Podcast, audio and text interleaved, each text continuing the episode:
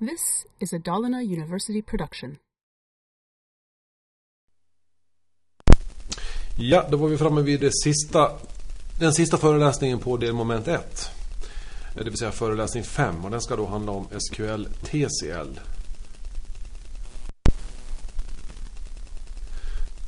Eh, TCL, Transaction Control Language. Ja, vi hör på namnet att det är någonting som vi har för att kunna kontrollera transaktioner.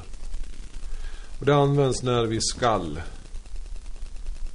spara transaktioner. Då använder vi det reserverade ordet commit. När vi vill ångra transaktioner så då använder vi det reserverade ordet rollback. Och för att få förståelse för databastransaktioner så måste vi då känna till begreppet samtidighet eller någonting som heter concurrency på engelska. Så om vi då börjar titta på någonting som beskriver det här med samtidighet. Rubrikerna i engelska brukar, brukar vara basic, Basics of Concurrent Access. Så ser vi vad det handlar om. Att vi har ju inte bara en användare som sitter och jobbar mot en databasserver. Utan i det här fallet så har vi faktiskt väldigt många olika användare. Som sitter och jobbar mot databasservrar. Mot en databasserver. I det här fallet så ser vi då att två av klienterna är två stycken olika webbservrar som sitter och gör saker emot den här databasen. Så att just när vi har samtidighet beror på att vi har fleranvändarsystem och det, den här bilden då ska åskådliggöra just, just det här. Vi har en hel del olika andra saker att gå igenom för att vi ska få den här förståelsen. Då. Så vi ska börja titta på hur vi gör när vi tar och kopplar upp oss mot en databas. Det vill säga att koppla upp sig mot en databasserver, det vill säga att vi skapar ett connection-objekt. Om vi då har någon typ av klient och sen har vi en databasserver så har vi åtminstone förutsättningarna för att man ska kunna göra en uppkoppling. Och sen då när vi har installerat Oracle databasserver så och på klientsidan också så har vi ofta då någonting som heter SQL-net också som är nätprogramvara som installeras. Sen har vi lite filer som ligger på vår databasserver. Någon fil som heter sqlnet.ora. En annan fil som heter listener.ora. På klientsidan har vi sqlnet.ora där också. Sen har vi en, en annan viktig fil som heter tnsnames.ora. Och det första som händer då. Det kan vi då säga att när vi har installerat och dragit igång en databasserver som ligger så ser vi då till att vi har en lyssnarprocess som är igång på den här servern. Så att det första som händer här är det här när man kopplar upp sig då, det är att vi måste ha en lyssnarprocess som ligger och lyssnar efter anrop över det här nätverket. Det andra som händer Nå, klienten där drar igång en klientprogramvara och loggar in mot databasen genom att ange användarnamn, lösenord och ett alias. Och vad som sker då när man loggar in är då att det här aliaset blir upplöst eller alias is resolved via den här filen tnsnames.ora. Ungefär som att man då skriver in aftonbladet.se och så går man till en DNS-server och så får man tillbaka sin IP-adress. Ungefär eh, något liknande sånt funkar det då. När man då har loggat in här så kommer det här då att generera någonting som kallas för en användarprocess hos klienten. Så kort och gott kan vi skriva punkt 2 Det andra som händer är att klienten startar ett program och loggar in. Och det här skapar då en användarprocess hos klienten. Nummer 3. Anropet noteras av den här lyssnarprocessen. Så att lyssnarprocessen känner av nu att nu är det faktiskt en användarprocess som vill kommunicera med vår databasserver. Och vad som händer då är att en serverprocess startar på databasservern. Och den här serverprocessen då kommunicerar sedan med Oracle Instance, det vill säga databashanteringssystemet.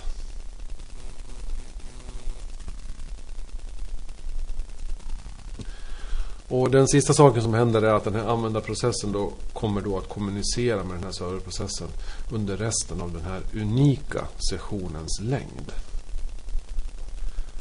Så skulle vi då köra en standardarkitektur i Oracle som kallas för Dedicated Server så skulle vi då ha en serverprocess som betjänar en användarprocess. Vilket är att man kan tänka sig att man går in på en restaurang då att varenda besökare springer runt och har en egen servitör där. Att vi har maxprestanda. Vi ska ta och titta lite grann närmare på den här filen TNS names som behövs. Här har vi en glad databasanvändare som precis är i full färd med att logga in i en Oracle-databas. Och han anger då sitt användarnamn Kalle. Det vill säga han vill logga in på schemat Kalle. Han slår sitt superhemliga lösenord. Och han skriver då att han vill koppla upp sig mot hosten Ora 9. Och då ser vi det att Ora 9 det är någonting som vi kallas för ett alias. Så att aliaset är då Ora 9. På hans klientmaskin då så kommer man då att göra resolve på det här aliaset. Det vill säga att vi går in och tittar i tnsnames.ora. Vad ska jag göra när, när jag blir befallen att koppla upp mig mot Ora 9? Jo, vi ser då att den här filen, tnsnames.ora, som ligger på den här användaren Kalles dator innehåller faktiskt en beskrivning av vad som ska hända när, när den får kommandot koppla upp dig mot Ora 9. Så ser vi då att den ska koppla upp sig mot en dator som heter oracle9.du.se på port 1521 och över protokollet TCP. Och den ska koppla upp sig då emot en Oracle Instance som har namnet DB1. Det vill säga när vi installerade den här på skolan så brydde vi oss inte i att ge den ett eget namn utan vi tog den som var namnet som default föreslogs i installationen. Och den här tnsnames.ora den ligger då lagrad vid en standardinstallation i Oracle Home i en katalog som heter Network Admin. Där finns den där filen. Och ibland om man då skriver det här host ORA 9 så kan man få att man inte kan koppla upp sig mot databasen för att man får något protokoll, protokolladapterfel. Ja, då brukar man ha något fel i den här tnsnames.ora-filen. Hur ser det ut när man kör en enkel fråga då? En användare och en databasserver. Eh, Användaren har loggat in i ett klientprogram och genererat en användarprocess som kommunicerar med en serverprocess på databasservern. Eh, serverprocessen skickar över select f-namn e-namn från kund order by f-namn ask. Och det här med att köra en SQL-fråga då går i tre stycken steg. Det första är något som kallas för pars. Användarprocessen skickar en SQL-sats till en serverprocess och begär kompilering utav den här SQL-satsen. Oracle Instance utför den här kompileringen och returnerar status, success eller failure. Ja, egentligen så brukar man väl få mest failure tillbaka. Får man success, ja då får man ju tillbaka det här datat. Då. Så att man får någon sorts implicit success genom att man får tillbaka svaret. Steg nummer två innebär någonting som kallas för execute-fasen. Och det innebär att Oracle Instance hämtar data ifrån datafiler i, eller ifrån Database Buffer Cache.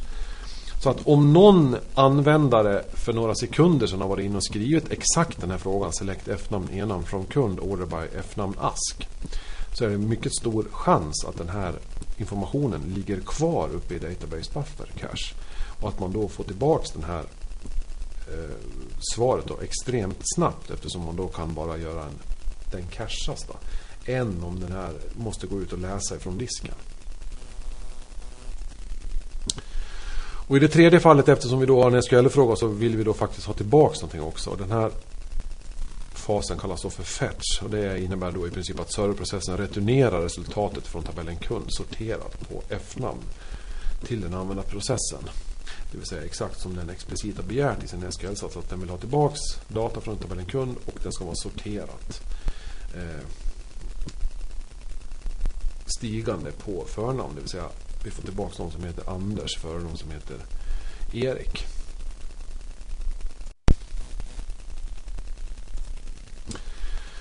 Vi måste kolla lite grann det här sessionsbegreppet också. Användare databas. Användaren loggar in som användaren Karin. Det här skapar då en användarprocess, user process hos användaren och en serverprocess på databasservern. Och användarprocessen kommunicerar med en egen serverprocess i, ett, i en unik session som har någonting som heter SID och Serial 9,244. Om den här användaren Karin nu drar igång ytterligare en instans av sitt klientprogram och loggar in igen så kommer det här då att generera ytterligare en användarprocess på, hos användaren. Och en annan process, serverprocess, en till serverprocess på databasservern. som då de här två kommer att kommunicera i två helt olika sessioner. Men det behövs två parametrar för att identifiera sessioner i Oracle. Så om vi då vill döda en session som har hängt sig eller någon som, eh, som, som administratör så skulle vi kunna skriva alter system kill session. Och då måste vi då skicka in sessions-id och sessions-serial till kill session för att döda, det vill säga stänga ner just en viss session. Och ovanstående kommando då dödar en specifik session. Och vi hittar sessions-id och sessions-serial parametrarna i någonting som kallas för v-dollar-session-vyn.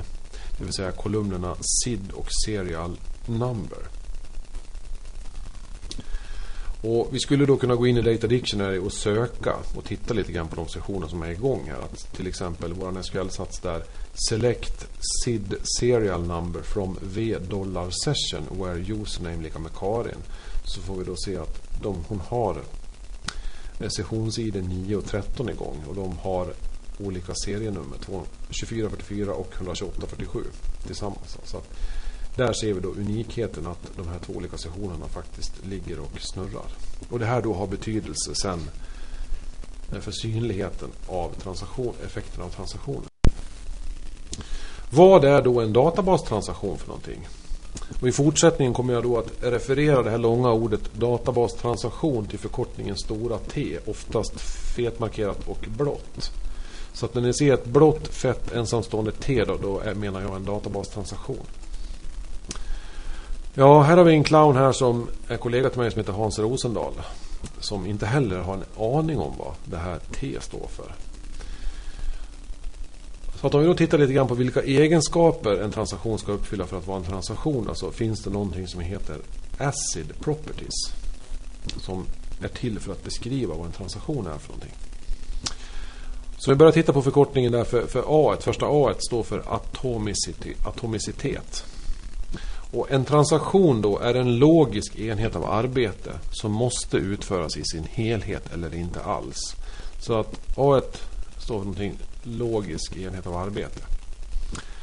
C. Consistency. En lyckad transaktion tar databasen från ett konsistent tillstånd till nästa. Det vill säga en transaktion då förändrar datainnehållet i databasen. Och det är ju ganska tydligt att det gör det om jag sitter och gör 10 insert-satser. Ja, det har jag fått till exempel 10 stycken rader i min kundtabell. Så då har man ju då förändrat databasens datainnehåll genom att göra transaktioner. Isolation då. Effekterna av transaktion X är inte synliga för andra transaktioner än förrän transaktion X har gjort commit. Så att transaktionerna ska då gå osynligt och isolerat ifrån andra transaktioner. Ända tills de har avslutats med commit. Och sen har vi då sista egenskapen som kallas för durability. Varaktighet på svenska. Så att den innebär i kort att när en transaktion har gjort commit så är effekterna av den permanent i databasen. Så att om vi då har en transaktion som ligger och har gjort någonting och så skriver vi då commit och så får vi tillbaka ett kvitto från databashanteraren att commit är complete. Så skulle vi då kunna dra ut strömmen till den här servern. Och vi har en massa datablock som ligger i våra bufferminnen. Men det är inte skrivet i disk så skulle den ändå vara permanent i databasen. Så att när vi startar upp den här servern igen då, då skulle de här eh, eh effekterna av den transaktionen då återskapas. Till skillnad från en vanlig PC, sitter man då och jobbar med ett Word-dokument som man har i primärminnet och strömmen går, då är det tack och hej till det här dokumentet om man inte har tryckt på spara och fått ner det här på hårddisken. Vi ska kolla på lite fler egenskaper för transaktioner. En transaktion involverar alltid en eller fler DML-satser som insert, update eller delete. Så att så fort vi kommer på insert, update eller delete, ja då håller vi på att generera transaktioner. Och ni ser att alla de här olika sakerna förändrar faktiskt. Insert, ja då får vi mer data. Delete, ja då får vi mindre data. Update, ja då får vi inte mer eller mindre men vi förändrar saker. personer får andra telefonnummer, det blir olika saldon på konton och så vidare. Och en transaktion avslutas med commit för att göra de förändringar som, som, som den har gjort då, permanenta. Vi, vi skulle kunna dra en grov likhetstecken med att trycka på en spara-knapp när vi skriver commit. Och en transaktion avslutas med rollback för att göra förändringarna ogjorda. Det vill säga en ångra-knapp eller en, någonting som vi rullar tillbaka. Om vi då ska titta på vad som menas med logisk enhet av arbete så tänkte jag att vi skulle ta och titta på ett elakt exempel här. Som är roligt så länge man inte själv utsätts för, för det. Eh, vi har förmodligen en chef nu som sitter och skriver SQL här. Update personal, sätt lön lika med lön minus 3000 where anställningsnummer 120. Så att den personen som har anställningsnummer 120 tycker, kommer inte att få den här eh, enheten av arbete att tycka att det är roligt. Att först börjar vi med en deltransaktion som sänker lönen med 3000 kronor.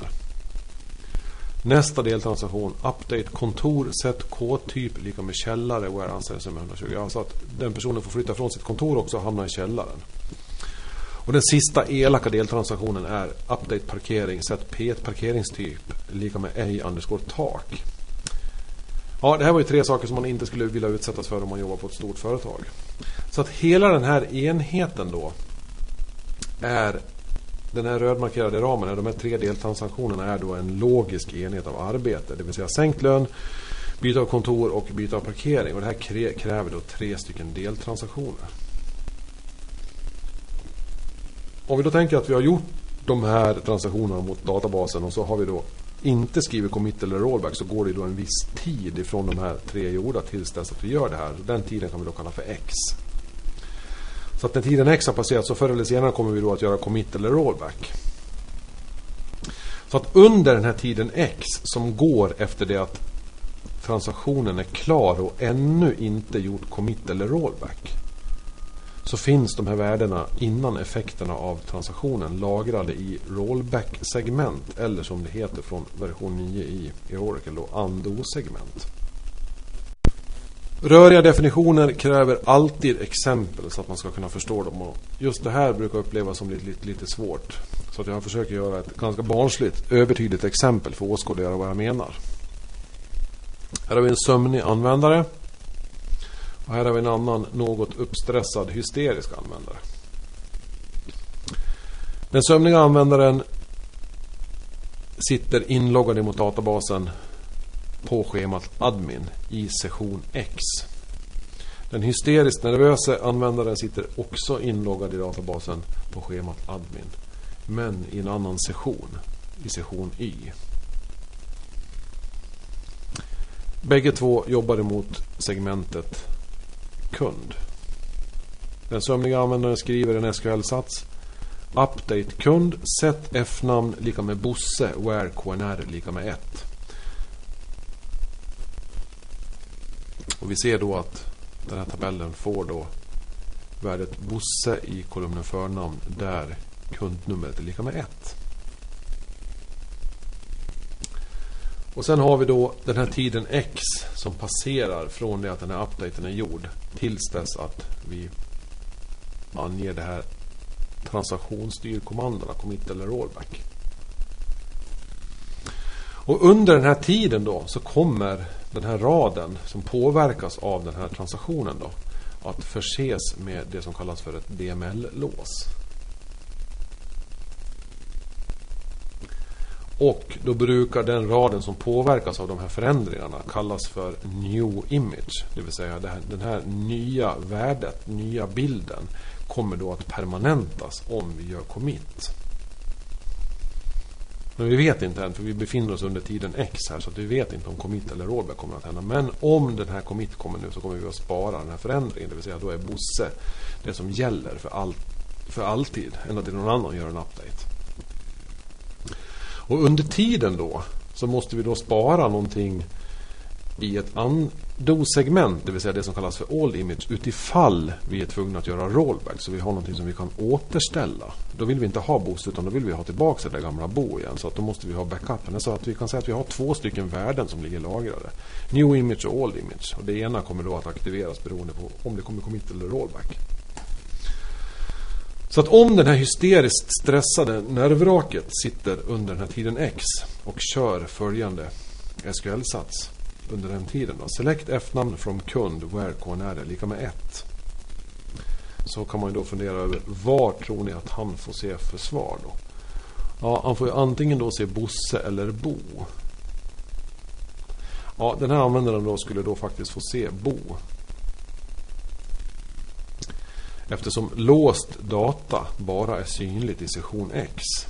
Och session X är ju den här sömntutans session uppe till vänster. Och det är den personen då som har initierat den här transaktionen då. Så att Bosse kommer att vara synligt för session X. Eftersom det är session X som äger det här DML-låset. Alla andra sessioner kommer då att se det som ligger i Ando-segmentet, det vill säga Old Image.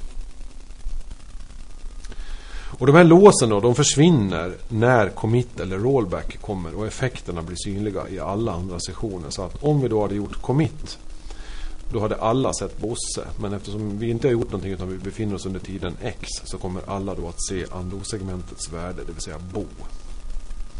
Och att ha i åtanke då att DML, Update och Delete genererar Ando-data. Så har vi då en tabell som innehåller fyra miljoner rader. Och så vill vi tömma den tabellen och så säger vi delete from tabell. Och de här Eh, flera miljoner raderna då skulle ta upp kanske 80 gigabyte i utrymme. Så då kommer vi att ha Ando-segment som kommer att belastas med 80 gigabytes data beroende på om den här personen nu kommer att skriva commit så kommer det att kastas bort. Men skriver en rollback så måste man återställa alltihopa. Så det gäller en del av uppgifterna som databasadministratör är att se till att man har allokerat tillräckligt mycket utrymme i de här ando-segmenten så att man inte får snapshot to all då inte helt plötsligt har något utrymme i sina ando-segment. Så att i sådana fall så skulle det kunna vara bättre då att man gör något DDL-kommando, till exempel truncate, table eller något annat som bara tar bort alltihop och inte spar någonting i ando-segmenten. Vi ska titta på någonting som kallas för integritetsproblem som har att göra med transaktioner. Och något vanligt problem som refereras till som The Lost Update Problem. Det finns några upptagna i, i, nästan all kurslitteratur som handlar om databaser. Och jag har varit här att beskriva The Lost Update Problem så att ni ska förstå lite grann vad det är som ligger bakom. Om vi då har en transaktion det handlar om en transaktion T1 som skriver över en annan transaktion T2s förändringar.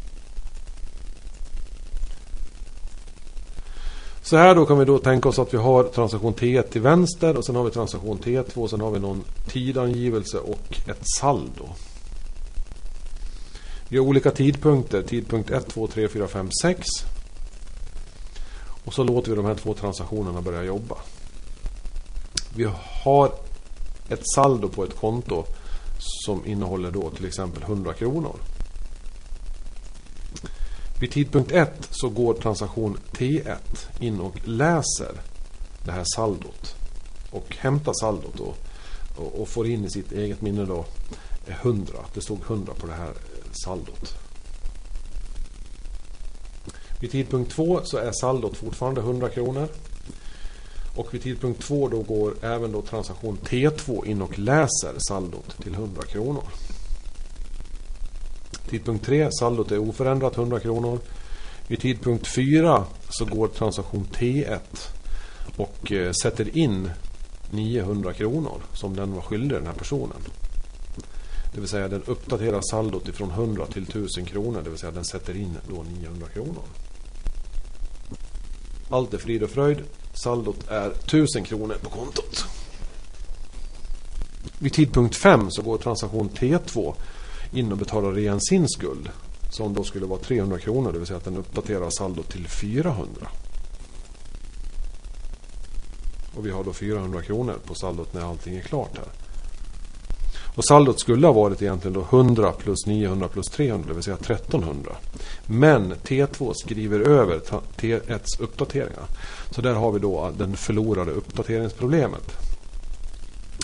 Och det här skulle då generera, göra det att kontoägaren skulle då bli hemskt extremt ledsen då eftersom 900 kronor skulle saknas ifrån det här kontot. Och lösningen på problemet då? Ja, det är just det att vi, har, att vi ser till att vi har då lås. Då. Så att T2 skulle inte ha fått läsa det här saldot förrän vid tidpunkt 4. Det vill säga när T1 var först in och läste saldot där så skulle man då ha satt ett lås på det här kontot. Och efter det att den här T1 hade uppdaterat saldot till 1000 och gjort commit direkt vid tidpunkt 4. Då hade fetch eh, kunnat skett från transaktion T2 som hade då kunnat läst saldo till 1000 och uppdaterat den till det korrekta. Vi ska titta lite grann på två olika typer av lås. Så integritetsproblem av typen The Lost Update Problem kan undvikas genom en teknik som kallas för låsning. Och vi antar att databasen stödjer två olika typer av lås. Någonting som då kallas för X-lock som står för Exclusive Locks. Det vill säga, vi kan översätta till svensklån att något typ skrivlås, DML-lås eller något liknande när vi vill skriva i databasen. Sen antar vi att det finns en annan typ av lås också när vi vill då eh, läsa saker som kan delas. Det vill säga ett S-lock, shared lock.